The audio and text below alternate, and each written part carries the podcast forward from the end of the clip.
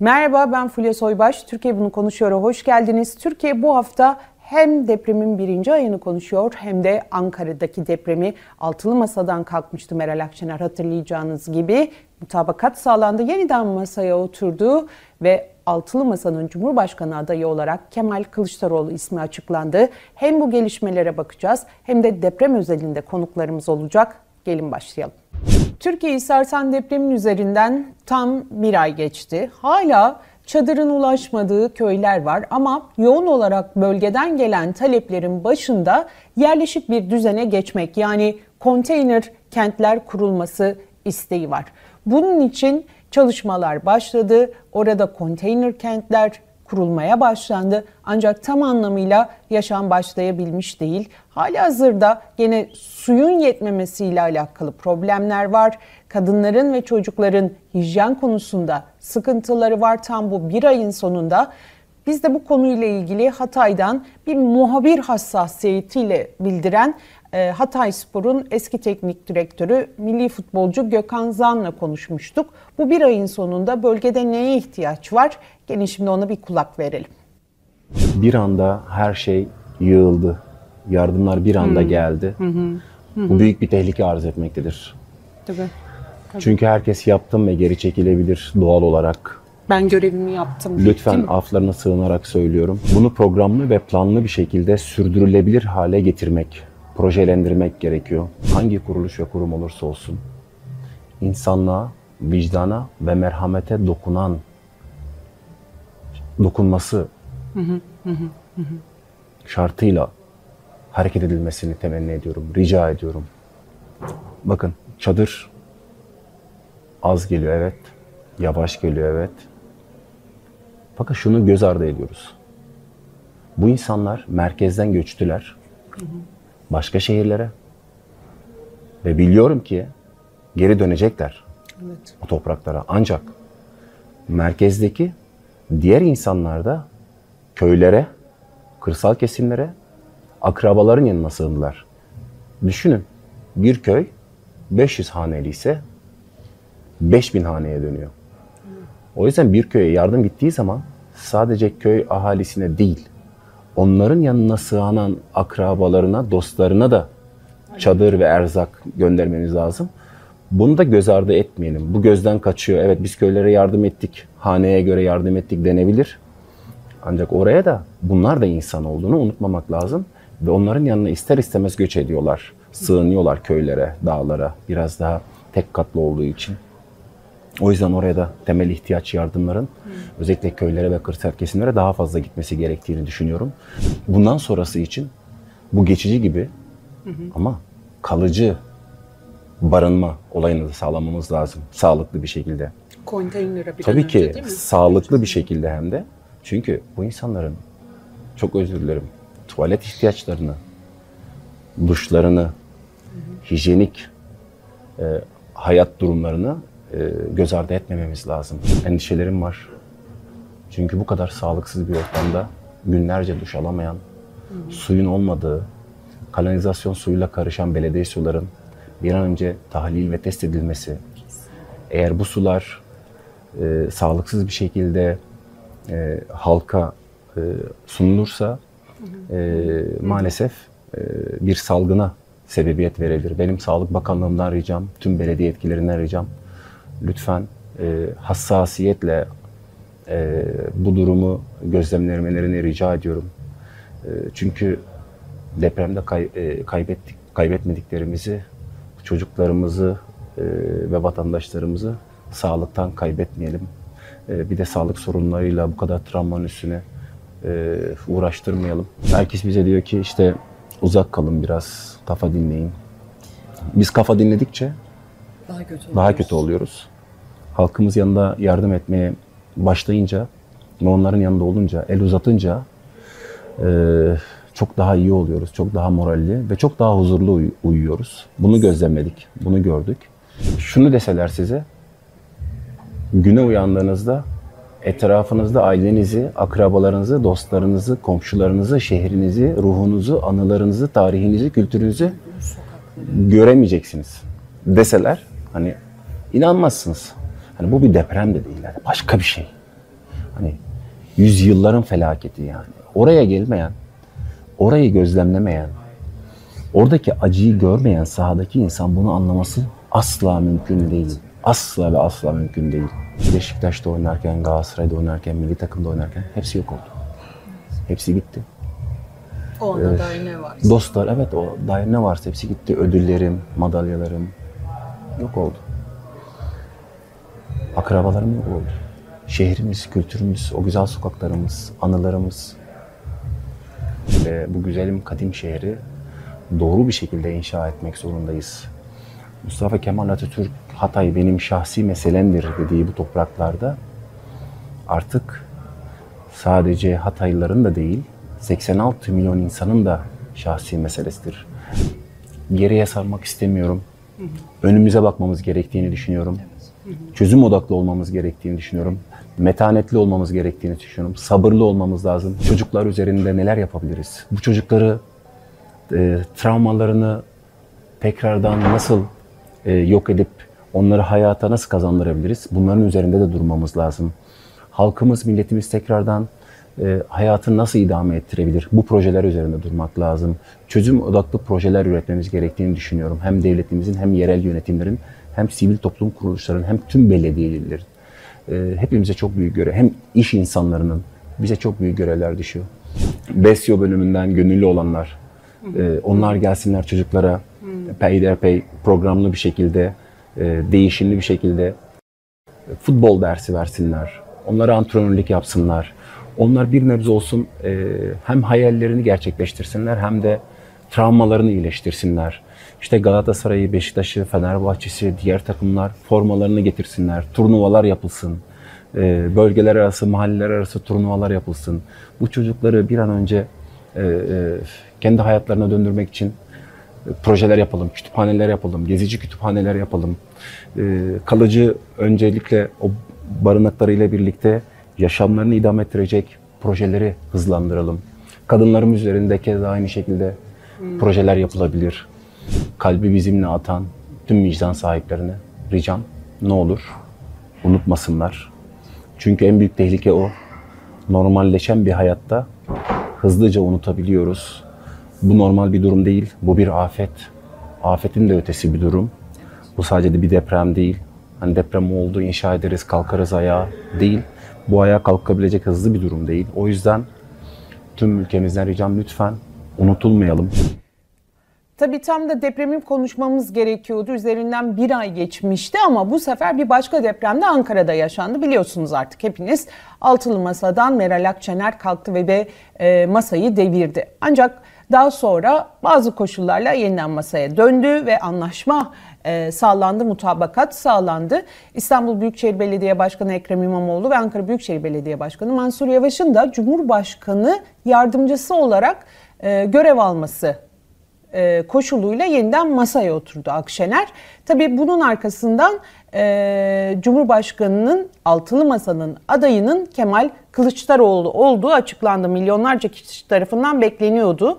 E, aylardır kim olacak kim olacak sonunda o soru cevabını bulmuş oldu. Saadet Partisi Genel Merkezi'nin önünde liderler buluşması e, toplantısında bir araya gelmişti 6 lider. Oradan çıkınca da yine Saadet Partisi'nin genel merkezinin önünde e, bir konuşma yaptı Kemal Kılıçdaroğlu ve adayın kendisi olduğunu açıkladı. Yanı hemen yanında da yine İmamoğlu ve Yavaş vardı. Tabii e, Meral Akşener'in gündeme getirdiği bu formül e, hem İmamoğlu'nun hem de Yavaş'ın Cumhurbaşkanı ada, e, Cumhurbaşkanı yardımcısı olması e, beraberinde birçok tartışmayı da getirmiş durumda. Çünkü masadaki diğer 5 liderin de Cumhurbaşkanı yardımcısı olacağı biliniyor. E şimdi buna fiilen 2 lider daha eklenmiş oldu. Etti 7 kişi.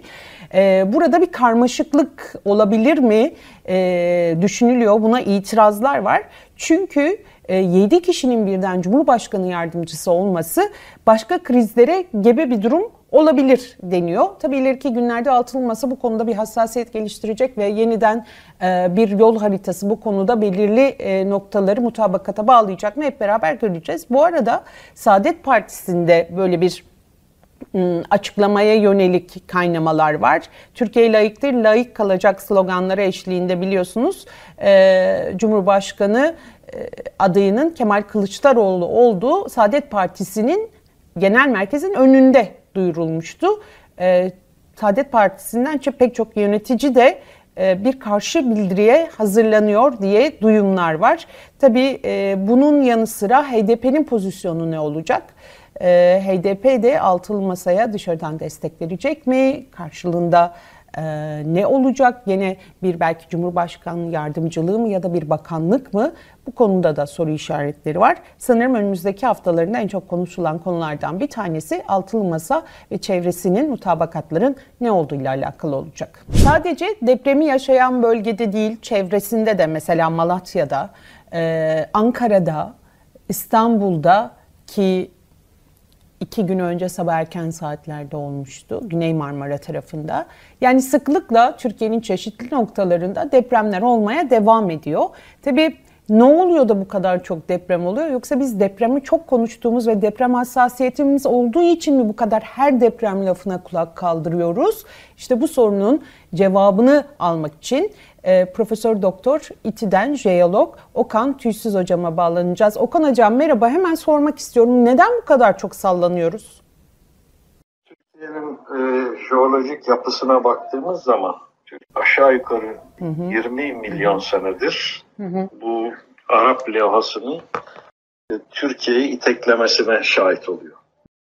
Türkiye önce bu 20 milyonda Doğu Anadolu yükseliyor, sıkışıyor. Sonra kuzeyde gidecek bir yeri olmadığı için batıya kaçmaya başlıyor.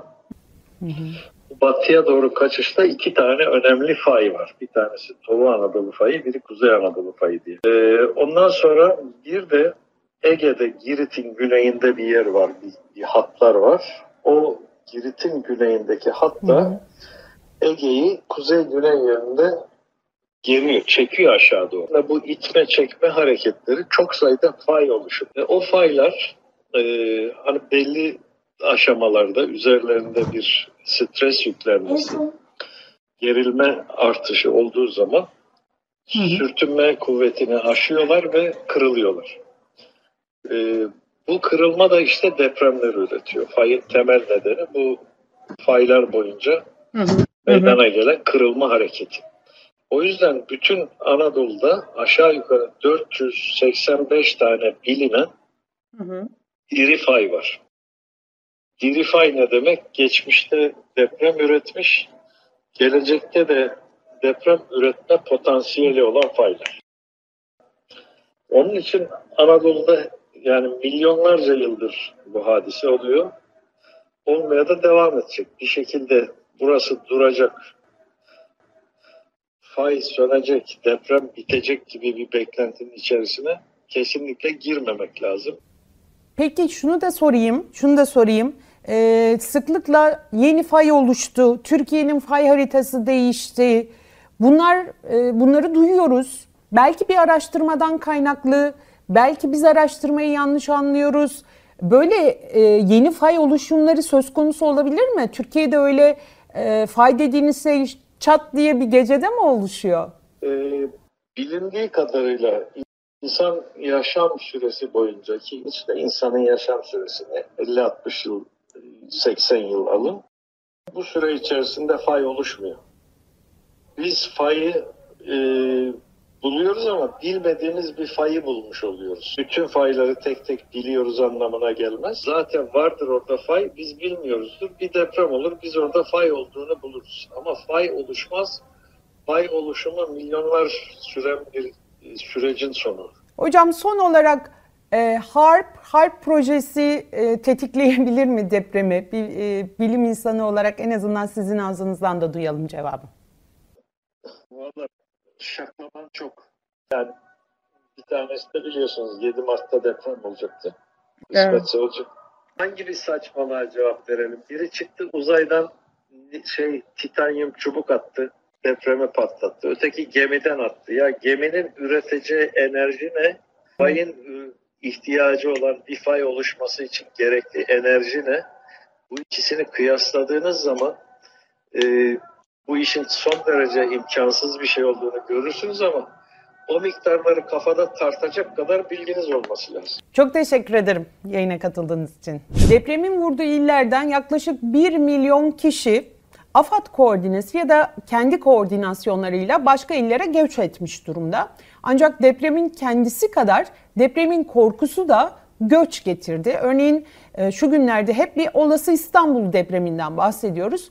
Bu sebeple de İstanbul dışına e, çıkanların, çıkmak isteyenlerin sayısında ciddi bir artış gözlemleniyor. Peki nereye gidiyor bu insanlar? Şimdi şöyle biliyorsunuz bir AFAD'ın hazırladığı ve MTK'nın Maden Tetkik Aramanın hazırladığı bir diri fay hattı haritası var. Orada deprem bölgeleri şekillendirilmiş, numaralandırılmış e, şekilde. Dördüncü ve beşinci bölgeler depremin hiç olmadığı ya da çok az sayıda deprem görüldüğü bölgeler. Bunlardan bir tanesi mesela İstanbul'a yakın Kırklareli, Edirne tarafı. Yine bu tarafta Bartın, Zonguldak e, tarafı. Genelde de insanlar buralardan arsa ya da ev bakmaya başladılar. Tabii ben bunu nereden biliyorum? E, emlak uzmanı Şenay Araç karşımda. Merhaba Şenay Hanım. Merhabalar, kolay gelsin. Ee, şöyle gerçekten de İstanbul'dan en azından kendi çevremden gözlemlediğim kadarıyla küçük küçük göçler başladı. Sizde durum ne? Size gelip nereler daha çok soruluyor? Nerelere gitmek istiyor insanlar? Ee, şöyle Fulya Hanım, iki bölge var. İstanbul'a e, bir yakın bir bölge, bir de İstanbul'a biraz daha uzak olan bir bölge. Özellikle Kırklar, Kırklareli, Bize, Saray, Edirne bu kısımlara e, inanılmaz bir talep var e, ve de e, arsa fiyatları neredeyse 3'e 4'e katladı. E, oradaki emlakçı gayrimenkul arkadaşlarım bile inanamıyor bu yoğun talebe. E, en fazla o bölgelere sağlamlığından dolayı ciddi bir talep var. E, genelde arsa bakıyorlar herhalde öyle değil mi Şenay Hanım? Üzerine tiny house ya da prefabrik bir ev koymak için. Evet genelde arsa bakıyorlar Fulya Hanım. Arsalarda çok yüksek olduğu için arsa alamayanlar tarla e, almaya çalışıyor. Özellikle elektrik ve suyu olan e, tarlalara müracaat ediyorlar. Tarlalarda da e, tiny house yapabilmek için veya konteyner koyabilmek için e, çünkü bunların da hepsinin e, her yere uygulayamıyorsun, uygulayamıyorsunuz. O hmm. yüzden e, herkes aynı şekilde tarla ve arsaya yönelmiş durumda. Sizin Kırklareli tarafında Bulgaristan'a yakın o köylerden birinde bir arsanız var bildiğim kadarıyla. Onunla ilgili bir örneğiniz vardı. Rica edebilir miyim? Tabii tabii. Ee, anneme biz bir küçük yatırım olsun diye bir yer almıştık 2-3 yıl önce. Ee, 480 metrekare bir arsa almıştık. Çok e, şey uygun bir komik bir fiyata e, yaklaşık iki hafta önce oradaki e, gayrimenkul işi yapan arkadaşlar aramaya başladılar. E, anneme önce bir 500 bin lira fiyat ödediler. E, biz şey yapamadık. Aldığınızın 5 katı. Belki daha fazla yani biz 50 bin liraya falan almıştık. Hani bunu da söylemekte bir beis görmüyorum. E, 500 bin lira fiyat teklif ettiler. Ee, annem bana sordu ne yapalım hani satalım mı değerlendirelim mi diye. Yok dedim bekleyelim biraz daha anne. E, dün gene bir gayrimenkulcü arkadaş aramış. E, işte arsanızı satar mısınız? 900 bin liraya müşteri var e, demiş. Yani biz bile inanamadık yani ki bu işin içindeyiz. E, inanılmaz bir orada da tabii ki e, ciddi bir göçten dolayı fiyatlar da etkilendi. Şimdi şöyle sadece gitmek de yetmiyor. Göç evet İstanbul'dan herkes gitmek istiyor ama e, büyük şehirden göçtüğünü de akıllarda tutmak lazım. Şimdi hepimize böyle hayal ve güzel gibi geliyor. Ah bir köyde evimiz olsa, işte su kenarında olsa falan. Bu çok güzel hayal etmek ama gittiğinizde gerçeklik öyle değil. Belki bakkalı yok, en yakın markete yarım saat yürüyorsunuz. Belki yolu yok. Yani köy yaşamı ile şehir yaşamı birbirine benzemiyor. Dinamikler çok farklı. Ee, bunu da bilerek gitmek lazım öyle değil mi? Tabii ki e, Fulya Hanım hani şehirde yaşayan insan e, köy hayatına e, çok zor adapte olur. Çünkü hastanesi yok, ulaşımı zor, e, marketi yok. Bir yerden bir yere gitmeniz için e, çok ciddi aracınız olması lazım. E bir de düşünün bir tarlada e, şeyde konteynerde yaşıyorsunuz. E, gece güvenliğiniz yok. Hani bunları hayal kurmak güzel de bunların hesabını da yapmak lazım. Tabii ki e, okul, e, oku, çocuğunuz varsa, okula giden bir çocuğunuz varsa okul işini de halletmeniz lazım. E, belki hafta sonları için e, tercih edilebilir ama gerçekten e, bütünsel bir yaşam için çok zor. Çok teşekkür ederim verdiğiniz bilgiler için.